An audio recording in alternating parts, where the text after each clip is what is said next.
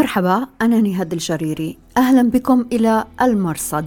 في هذا البرنامج نتابع أخبار العالم المظلم من الجهاديين إلى عالم الإنترنت المعتم والجريمة المنظمة. أهلا بكم في راديو وتلفزيون الآن. المرصد بودكاست على أخبار الآن. أهلا بكم إلى حلقة هذا الأسبوع من المرصد. نغطي فيها الفترة من 3 إلى 9 أبريل 2023 الموافق 18 رمضان 1444 هجرية.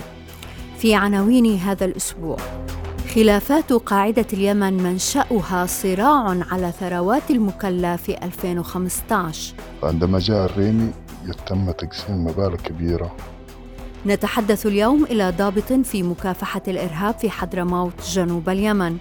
يحدثنا عن علاقة شخصية تربط الحوثيين بقيادة القاعدة هناك. فابنة إبراهيم البنا وزوجها أحد عناصر التنظيم المكلا يسكنون في مدينة صنعاء.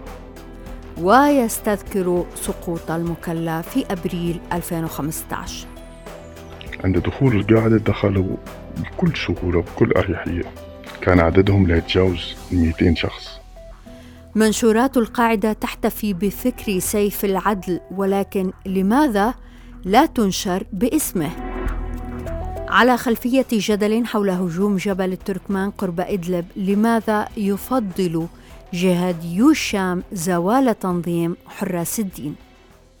للتواصل مع البرنامج يرجى الكتابة إلى نهاد جريري على تويتر وتليجرام وفيسبوك أو ترك رسالة في زاوية التعليق على رابط هذه الحلقة. وبإمكانكم الرجوع إلى نص هذه الحلقة في أخبار الآن دوت نت. المرصد بودكاست على أخبار الآن. أهلا بكم من جديد في أخبار الآن. في الأسبوع الأول من أبريل عام 2015 استحكمت القاعدة في مدينة المكلا المدينة الرئيسة في محافظة حضرموت جنوب شرق اليمن. وهكذا سيطرت القاعدة على ميناء حيوي واستراتيجي واستحوذت على أموال طائلة كانت تجني من الضرائب على السلع والوقود فقط مليوني دولار يوميا في العام التالي وتحديدا في أبريل 2016 تمكنت القوات اليمنية مدعومة بقوات التحالف من تحرير المدينة.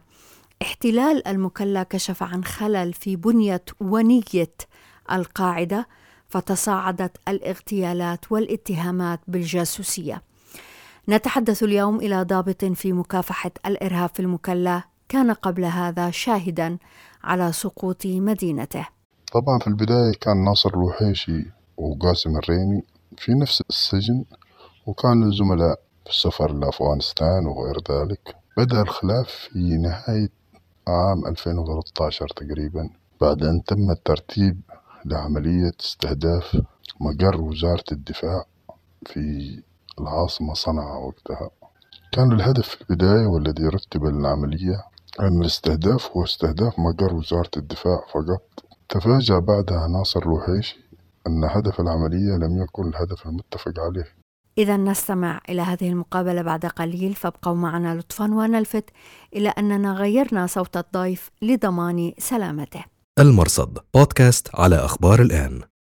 في موضوع اليمن أيضا لفت هذا الأسبوع بحث نشره موقع ACLED وهو مشروع معني بالتوثيق في مناطق النزاع المسلح. البحث بعنوان القاعدة في شبه الجزيرة العربية صعود أم انحدار. يلحظ التحول في هجمات القاعدة في اليمن من الحوثيين إلى القوات اليمنية المدعومة عربيا ويتفق مع الاعتقاد بأن التحول الاستراتيجي ربما كان نتيجة وقوع القاعدة هناك أكثر فأكثر تحت نفوذ سيف العدل الموجود في إيران والذي تربطه علاقة بالحرس الثوري الإيراني. المرصد بودكاست على أخبار الآن نشرت مؤسسة السحاب الذراع الإعلامية لقيادة القاعدة المركزية العدد التاسع من مجلة أمة واحدة لفت في هذا العدد مقال كتبه أبو خالد الصنعاني بعنوان إعلان الجهاد على العدو استراتيجية إخراج الثعلب من مخبأه. الباحث في الجماعات الإسلامية أحمد سلطان وفي مقال كتبه في موقع أخبار الآن لاحظ أنه من خلال مقال أبو خالد الصنعاني باتت بصمات سيف العدل تطغى على مجلة القاعدة. سلطان ربط بين الصنعاني وسلسلة مقالات عن الفكر الاستراتيجي ظهرت في نسخ سابقة من أمة واحدة وفي سلسلة 33 استراتيجية للحرب التي نشرت في موقع مافا الإيراني بدءا من فبراير 2021 ونسبت إلى عابر سبيل الذي نعرف أنه سيف العدل وذلك بشهادة السحاب أنفسهم. موقع السحاب المعتمد في المعرفات الرسمية التي تنشر للجماعة نشر مقالا طويلا بعنوان كتاب الثورة للشيخ المجاهد محمد صلاح الذي وقع اسمه في الصفحة الأخيرة بعابر سبيل محمد صلاح الدين زيدان 22 أغسطس 2013 لفت في كتاب الثورة أن استشهد سيف العدل غير مرة بكتاب حرب المطاريد الذي ألفه صهره مصطفى حامد أبو الوليد المصري. وبالنظر إلى نص سابق نشرته السحاب باسم حازم المدني وكان نصا نشر في موقع مافا الإيراني باسم عابر سبيل بدأ واضحا أثر سيف العدل في منشورات السحاب. نسأل لماذا لا تنشر السحاب باسم سيف العدل صراحة؟ وهل ضخوا فكر سيف العدل على هذا النحو مقدمة لحسم مصير الظواهري الغائب؟ وبالتالي ما شكل القاعدة التي يريدها سيف العدل؟ والأهم هل يكون سيف العدل حرا أبدا من الأثر والتأثير الإيراني؟ هاشتاج متلازمة طهران. المرصد بودكاست على أخبار الآن. دار لغط كبير حول هجوم استهدف موقعا إيرانيا في محيط جبل التركمان جنوب غرب إدلب شمال اللاذقية مخلفا خمسة قتلى إيرانيين على الأقل. بدأ اللغط بأن نسب الهجوم إلى حراس الدين مرة وجماعة أنصار الإسلام مرة أخرى. وفي مرة ثالثة باركت الهجوم حسابات محسوبة على هيئة تحرير الشام وهي التي قمعت الأولين الحراس والأنصار. بداية نشرت حسابات جهادية صورة شاب اسمه أبو قتادة من جبل الزاوية. قالوا إنه قضى في الهجوم وإنه ينتمي إلى حراس الدين. هذه الحسابات استبشرت في عودة التنظيم الذي يمثل القاعدة في الشام والذي قضت هيئة تحرير الشام عليه عمليا في صيف 2020 لكن جماعة أنصار الإسلام وهي جماعة جهادية مخضرمة تتألف من أكراد عراقيين أعلنت المسؤولية عن الهجوم بلا ذكر لحراس الدين. الجماعة مع حراس الدين وآخرين شكلت غرفة عمليات فثبتوا في صيف 2020 هيئة تحرير الشام انقضت على الغرفة ومكوناتها وأنهتهم جميعا.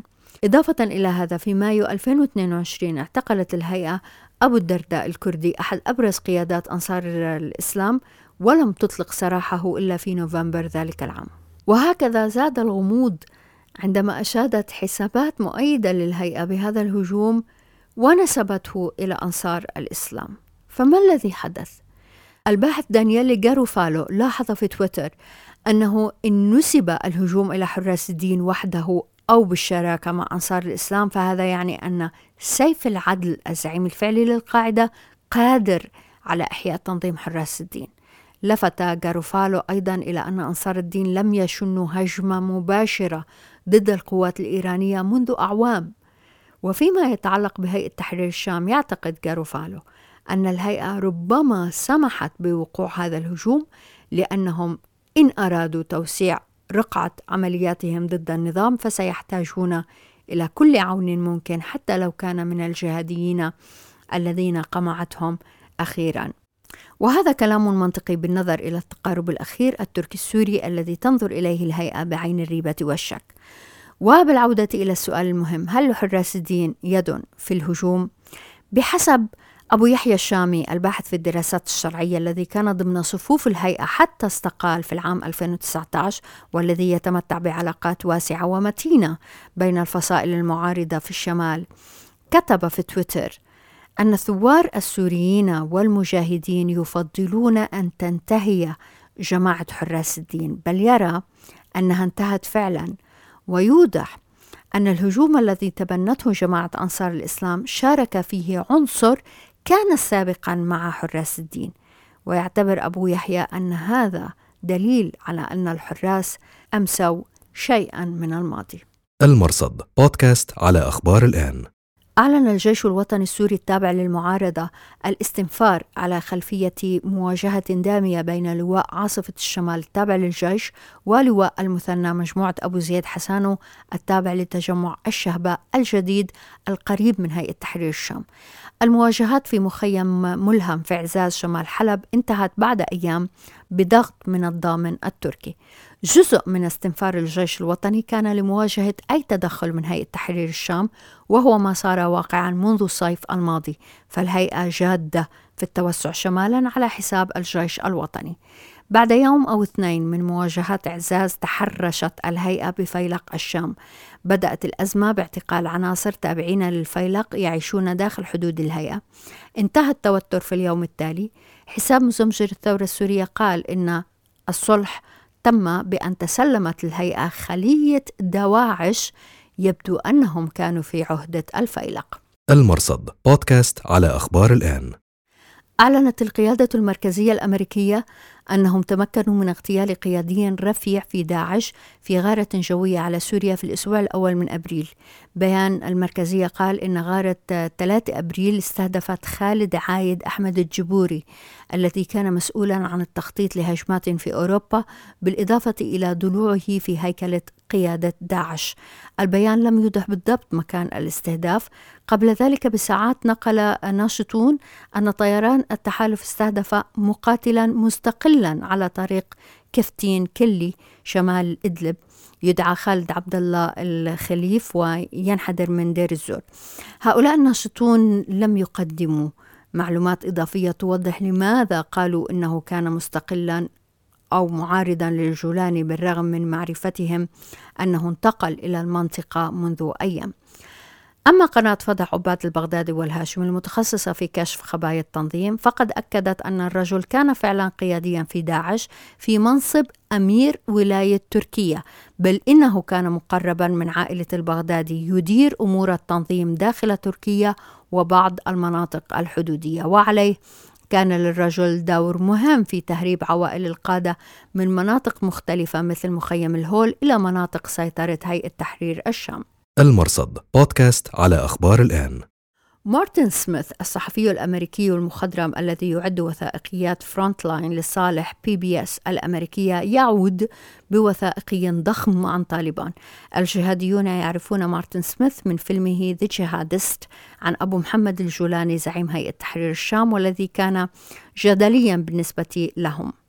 في الوثائقي من أفغانستان يؤرخ سميث في ثلاثة أجزاء ما تلا الحرب الأمريكية على أفغانستان في 2001 حتى عودة طالبان في 2021 سميث التقى مسؤولين في طالبان مثل أنس حقاني القيادي في شبكة حقاني والملا عبد السلام ضعيف الذي كان سفير طالبان آه، في باكستان آه، في عامي 2000 و2001 لفت في الجزء الأول الذي نشر حتى الآن كيف ساعدت باكستان شبكة حقاني في تدريب وتسيير انتحاريين يقتلون المدنيين في أفغانستان. ومن نافلة القول أن طالبان لا يقيمون وزنا للمدنيين الذين زهقت أرواحهم في هجمات الانتحاريين تلك وهذا ما قاله ضعيف في هذا الجزء. المرصد بودكاست على أخبار الآن. أهلا بكم من جديد في أخبار الآن. إذا آه، في الأسبوع الأول من أبريل عام 2015 استحكمت القاعدة في مدينة المكلا المدينة الرئيسة في محافظة حضرموت جنوب اليمن. لم تطل القاعدة البقاء لكن المكلا كانت لعنة ظلت تلازم القاعدة وقادتها. فبعد شهرين فقط قتل زعيم التنظيم ناصر الوحيشي وتوالت الاغتيالات والاتهام بالجاسوسية والخلافات على موارد القتل. نتحدث اليوم إلى منصور شاب من أبناء المكلا كان حاضرا كل تفاصيل سقوط المدينة. هو اليوم ضابط في مكافحة الإرهاب في حضرموت منصور ليس اسمه الحقيقي. وبناء على طلبه غيرنا صوته وحجبنا صورته. بدأت بسؤاله عن اليوم عن أصل الخلاف بين سعد عاطف العولقي وخالد باطر في زعيم التنظيم. ناصر الوحيشي كان منتمي جدا ومقرب من خالد باطرفي وقاسم الريمي كان مقرب من سعد عاطف العولقي طبعا في البداية كان ناصر الوحيشي وقاسم الريمي في نفس السجن وكانوا زملاء في السفر لأفغانستان وغير ذلك. بدأ الخلاف في نهاية عام 2013 تقريبا.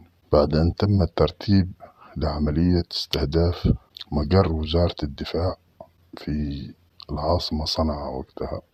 كان الهدف في البداية والذي رتب للعملية أن الاستهداف هو استهداف مقر وزارة الدفاع فقط واستهداف الغرفة التي يتم استخدامها لرصد عناصر التنظيم وعن طريقها يتم إرشاد الطائرات المسيرة بدون طيار لاستهداف عناصر التنظيم. هذا كان الهدف الرئيسي. تفاجأ بعدها عناصر الوحيشي أن هدف العملية لم يكن الهدف المتفق عليه وكان الهدف الرئيسي للعملية هي مستشفى العرضي في محيط مبنى وزارة الدفاع وكان في نفس اليوم متواجد الرئيس اليمني عبد ربه منصور هادي. الريمي كان يخطط لاستهداف الرئيس عبد ربه منصور هادي بدون علم الوحيشي تمت العملية واستطاع الهرب الرئيس ومن معه وتم قتل أكثر من ستة وخمسين مواطن وطبيب في المستشفى. حصل الشك كبير جدا بين الوحيشي والريمي بسبب هذه العملية بأنها هزت اليمن بشكل كامل وأثبتت للعالم مدى وحشية التنظيم وابتعادهم عن الدين الإسلامي بشكل كامل. عندما يقتلون المرضى ويقتلون الأطباء بدون أي هدف معلوم. أصر الوحيشي وقتها أن أن يخرج الريمي ويقوم بعمل إصدار مرئي للاعتذار عما حصل في مستشفى العرضي من هذه الناحية بدأ الخلاف. عملية دخول المكلا لم يكن مشارك فيها قاسم الريمي ولم يكن موجودا. فبداية الدخول كان الموجود ناصر الوحيشي. بعد ذلك حوالي أسبوع جاء الريمي وجاء معه مجموعة. فحصل الخلاف الأكبر في ناحية تقسيم الأموال. فعندما جاء الريمي تم تقسيم مبالغ كبيرة وحصل خلاف أيضا من أحد المقربين من الريمي يدعى أبو علي الماربي وقام بالهجوم على البنك العربي في المكلا ومحاولة فتح خزنة البنك. وقتها وصل خبر ناصر الوحيشي وتواصل مع بعض الشيوخ السلفية الذي تعرف عليهم من المكلا والذين يناصرون التنظيم. وطلب منهم أن يحضروا وأن يجمعوا الناس بجانب البنك وأن يمنعوه من فتح الخزينة لأنه يعتبر مال خاص لأنه بنك خاص وليس بنك مركزي مثل الذي فتحوه. وفعلا حصل هذا الشيء وتجمع الناس وخرج مجموعة عناصر التنظيم من البنك بدون أن يفتحوا الخزنة. هذه بداية الخلافات. وتطورت الخلافات إلى أن زرع قاسم الريمي الشريحة لناصر الوحيشي وتم ضربه وتم تعليق الاثنين السعوديين الذين كانوا شبه مستشارين ناصر الوحيشي تعليقهم على جسر المكلا بعد إعدامهم واتهامهم بأنهم خانوا الوحيشي وبأنهم هم من وضعوا الشرائح. والكل يعلم أنهم ليسوا هم لكن قاسم الريمي لأنه شخص دموي أكثر من من بعض عناصر التنظيم. يريد أن يوصل رسالة لكل من هم؟ مع الوحيشي إذا لم إذا لن تخضعوا لي سيكون مصيركم مثل مصير هؤلاء وسيتم تعليقكم بعد إعدامكم. هذه الرسالة التي كانوا يريدون توصيلها. فأنا أذكر عندما كان ناصر قاسم الريمي يسكن في منزل مواطن من مجاهدين القدامى الذين كانوا في العراق وكان صديق له. قريب في منطقة ديس المكلا قريب من مسجد الشهداء وكان وقتها تقريبا شهر رمضان. كان وقتها غالب باقي عيطي المدعو أبو هاجر الحضرمي منشأ تنظيم القاعدة معتكف في مسجد الشهداء.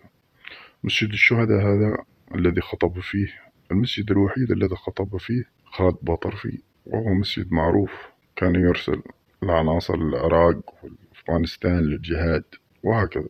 كان معتكف فيه أبو هاجر الحضرمي وقام قاسم الريمي بإرسال سيارة من نوع شاص يقودها أحد مرافقيه إلى غالب باقعيطي وهو أبو هاجر الحضرمي في مسجد الشهداء وأمره أن يقطع اعتكافه وأن يقوم معه لاستلام شحنة في ميناء المكلا بأمر من قاسم الريمي. فخرج أبو هاجر الحضرمي معه السيارة إلى ميناء المكلا وتركه داخل السيارة وخرج مرافق قاسم الريمي بحجة أنه سيتحدث مع المسؤول عن الميناء بيسأل عن وصول الشحنة فابتعد مسافة نص كيلو.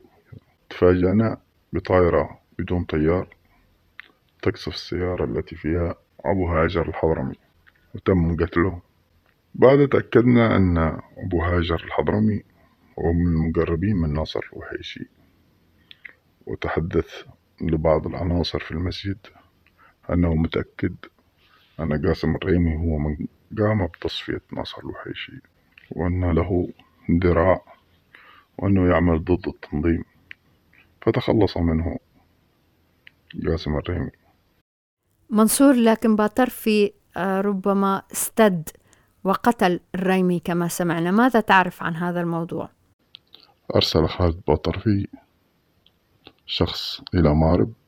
لإرسال لتبليغ رسالة خالد باطرفي لقاسم الريمي. وتم تحديد مكان قاسم الريمي واستهدافه. سعد عاطف العولقي كان متأكد أن خالد باطرفي هو من قاموا بزرع الشريحة لقاسم الريمي واستهدافه. فأرسل لخبيب, السو... لخبيب السوداني المدعو إبراهيم القوصي لعمل اجتماع طارئ في منزل أحمد عاطف العولقي شقيق سعد. واجتمعوا وناقشوا موضوع استهداف قاسم الريمي وأن بطرفي خلف هذا الاستهداف كان حاضر معهم إبراهيم البنا المسؤول مسؤول الاستخبارات لتنظيم القاعدة. طبعا إبراهيم وسعد هم فريق واحد وخبيب السوداني إبراهيم القوصي وخالد بطرفي هم أيضا فريق واحد. هم مسيطرين بشكل كامل على الدعم المادي وعلى الدعم وعلى الإعلام في التنظيم. خبيب مسؤول الدعم الخارجي بشكل كامل وخالد بطرفي أيضا. لكن جماعة سعد تقلص حجمهم لكنهم لازالوا مسيطرين على أجزاء كبيرة من شبوة. سعد يرى في نفسه أنه هو الأكفأ ليكون أمير تنظيم القاعدة في جزيرة العرب خلفا للريمي. وخالد بطرفي يرى نفس الشيء منصور أنت كنت موجود لما سقطت المكلا في أيدي القاعدة في 2015 شو بتتذكر من تلك الأيام؟ البداية بدأت من 2011 عندما تم ترتيب خروج عناصر تنظيم القاعدة من سجون الأمن السياسي في صنعاء وسجن المكلا وتحويل خالد بطرفي من سجن في صنعاء إلى سجن في المكلا ليتم إخراجه لإدارة التنظيم. تواصل قيادات تنظيم القاعدة مع أجهزة أمنية. هذه أشياء مؤكدة. مثل ما حصل عندنا في المكلا طبعا تم تعيين محافظ من جماعة الإخوان المسلمين وتم تعيين مدير أمن من جماعة الإخوان المسلمين في تلك الفترة. تم تصفية أكثر من تسعين ضابط مخابرات في المكلا منهم من تقاعدوا عن العمل. قبل دخول القاعدة بأسبوعين أتذكر ولا زلت أرى هذا المنظر. تم إخلاء وسط المدينة كامل والمواقع الرئيسية والإدارات الحكومية مثل إدارة المحافظة والبنك المركزي من القوات التي كانت فيها والتي كانت تحرسها وخاصة قوات القوات الخاصة. بمجموعات بسيطة مكونة من ستة أشخاص أو خمسة أشخاص. بدل ما كانوا أكثر من مئتين جندي. شبه كتيبة كانت تحمي مبنى إدارة المحافظة الذي كان بجانبه البنك المركزي الذي كان داخله أكثر من 24 مليار ريال يمني وملايين الدولارات والريالات السعودية والعملات المختلفة. تم استبدال هذه الجنود ووضع ستة أشخاص أو خمسة أشخاص في طقم عسكري من أبناء محافظة الضالع وردفان الذين كانوا جنود في الشرطة العسكرية. عند دخول القاعدة دخلوا بكل سهولة وبكل أريحية. كان عددهم لا يتجاوز ميتين شخص. لكن قبلها بأيام طلبوا من بعض الجمعيات في المكلا بإرسال شباب وأخذهم إلى منطقة غرب المكلا وهذا المسيني وتدريبهم. كان الشباب تمر لهم سيارات أمامنا من الشارع. لا نعرف أين يذهبون. كان لا يتجاوز عددهم خمسين شخص. تم أخذهم لفترة أسبوع وإعادتهم للمقلع. في ليلة دخول التنظيم تفاجأنا من بعض الشباب وكأنهم عندهم علم أن التنظيم سيدخل اليوم. كانوا يخرجون مسلحين في الشوارع. تم استقبال عناصر التنظيم الذين دخلوا بكل سهولة إلى وسط المدينة. واستهداف البنك المركزي بعض القنابل الصوتية وقذائف جي لم يقاوم أي معسكر. لواء اللواء سبعة وعشرين ميجا في الريان كان يمتلك كل الأسلحة صواريخ دبابات مدافع. لم يحرك ساكنا. لم تكن معركة سوى كانت ساعة واحدة بين حراسة قائد المنطقة العسكرية الثانية وقتها المدعو الضالعي في منطقة خلف. وبين بعض عناصر التنظيم الذين كانوا يؤمنون المدخل الخلفي لمدينة المكلا. تم استهداف بعض الأطقم التابعة لقائد المنطقة وأرسل حراسته الخاصة لتأخير وصول التنظيم إلى منزله ليتسنى له الهروب. في البداية كان تنظيم القاعدة كان يصرحون بأنهم سيغادرون المكلا سيغادرون المكلا. لدغدغة مشاعر الناس وإسكات المواطنين.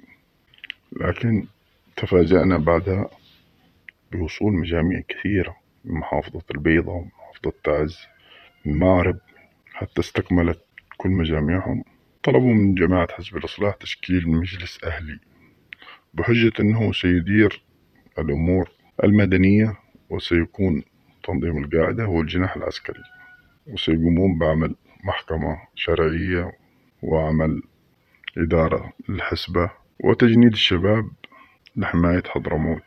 فما يقول لكن تفاجأنا بعكس هذا النهائي بشكل كامل. تحولت مدينة المكلا إلى إمارة من إمارات تنظيم القاعدة. ينهبون ويسرقون. كل شيء دمروا كل شيء جميل فيها وقاموا بمطاردة كل من حاربهم من قبل.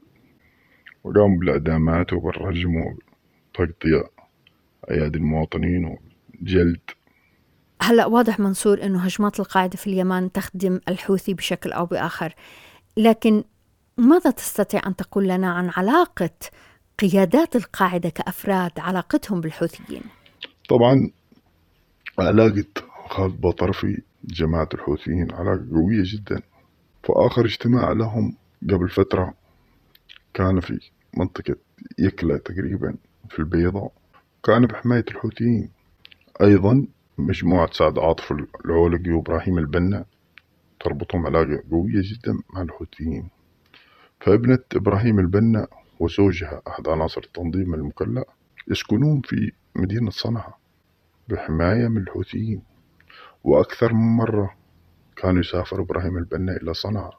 وحتى خالد بوطرفي عندما كان في مأرب ذهب إلى صنعاء بحماية من الحوثيين. فالحوثيين يدعمون تنظيم القاعدة لتصفية ما يسموه أعدائهم وهم الجنوبيين القوات الجنوبية التي تحارب القوات الوحيدة التي تحارب الحوثيين بصدق. ذكرت منصور معسكر سعد عاطف وأنه في إبراهيم البنا. من أيضا يقف مع سعد في خلافه ضد باطرفي طبعا ما لا يعرفه الجميع أن سعد مجرد صورة فقط ومن يدير التنظيم ويدير سعد هو شقيقه الأكبر أحمد عاطف العولقي أحمد من مؤسسين تنظيم القاعدة ومن مؤسسين جيش الجهاد جيش عدن أبين. وتم القبض عليه قبل سنين طويلة وسجنه أكثر حوالي عشرين سنة. بتهمة الإرهاب وما بعد الإفراج عن أحمد ظهر سعد. وأصبح أحمد هو يدير من تحت الغطاء. وسعد فقط ظاهر. لأنه أحمد معروف وقد سجن وقد أحمد يتجول بكل أريحية بدون أي خوف وبدون أي ذكر بالرغم أنه هو من يدير التنظيم وهو يتواجد الآن في شبوة بشكل طبيعي. ولم يقبض عليه أحد ولم برغم أن الاجتماعات اجتماعات القيادات الكبرى عندما يحضر خبيب السوداني أو يحضر إبراهيم البنا أو خالد بطرفي أو غيرهم. يكون في منزل أحمد. يبدو أنه إبراهيم البنا آه، شخصية تلفت الانتباه وسيكون لها دور في آه، الأيام المقبلة أو في الفترة المقبلة آه، من تاريخ تنظيم القاعدة. سمعنا أنه تاجر السلاح وربما هذا عزز من قوته. إلى أي درجة هذا الكلام دقيق؟ طبعا ما لا يعرفه الجميع عن البنا أن البنا كان مدرس عندنا هنا في في حضرموت في منطقة تدعى الشحر غرب المكلا. كان في حماية الشيخ عبد الله الأهدل الذي كان متواجد في السعودية والآن تقريبا متواجد في تركيا. تم استخراج له بطاقة يمنية وكان يعمل في إحدى المدارس في الشحر. مدرسا للقرآن الكريم. هذا إلى عام 2009 تقريبا. قبل دخول تنظيم القاعدة أبين وكذلك. وبعدها التحق بهم لأنه كان مطلوب من مصر تقريبا مطلوب من دول كثيرة وهارب. بخصوص إنه تاجر سلاح ما أعتقد الشيء هذا بس برغم إنه المنطقة التي هو سكن فيها مدينة الشحر ساحلية وفيها من تهريب السلاح ذلك لكن كل قيادات التنظيم كان تمويلهم من تجارة السلاح فعند دخولهم حضرموت قاموا بنقل الدبابات ونقل الصواريخ من معسكر لواء سبعة وعشرين ميجا وبيعها في أسواق الشمال بيعها في دمار وغيرها برغم من سيطرة الحوثيين وتواجد الحوثيين. فأغلب قيادات التنظيم يقومون ببيع السلاح للتمويل ودفع مرتبات عناصرهم فإذا قلت المادة سيتفرقون. منصور من مكافحة الإرهاب في حضرموت شكرا جزيلا لك. المرصد بودكاست على أخبار الآن. وشكرا جزيلا لوجودكم معنا في أخبار الآن. أنا نهاد الجريري مع السلامة.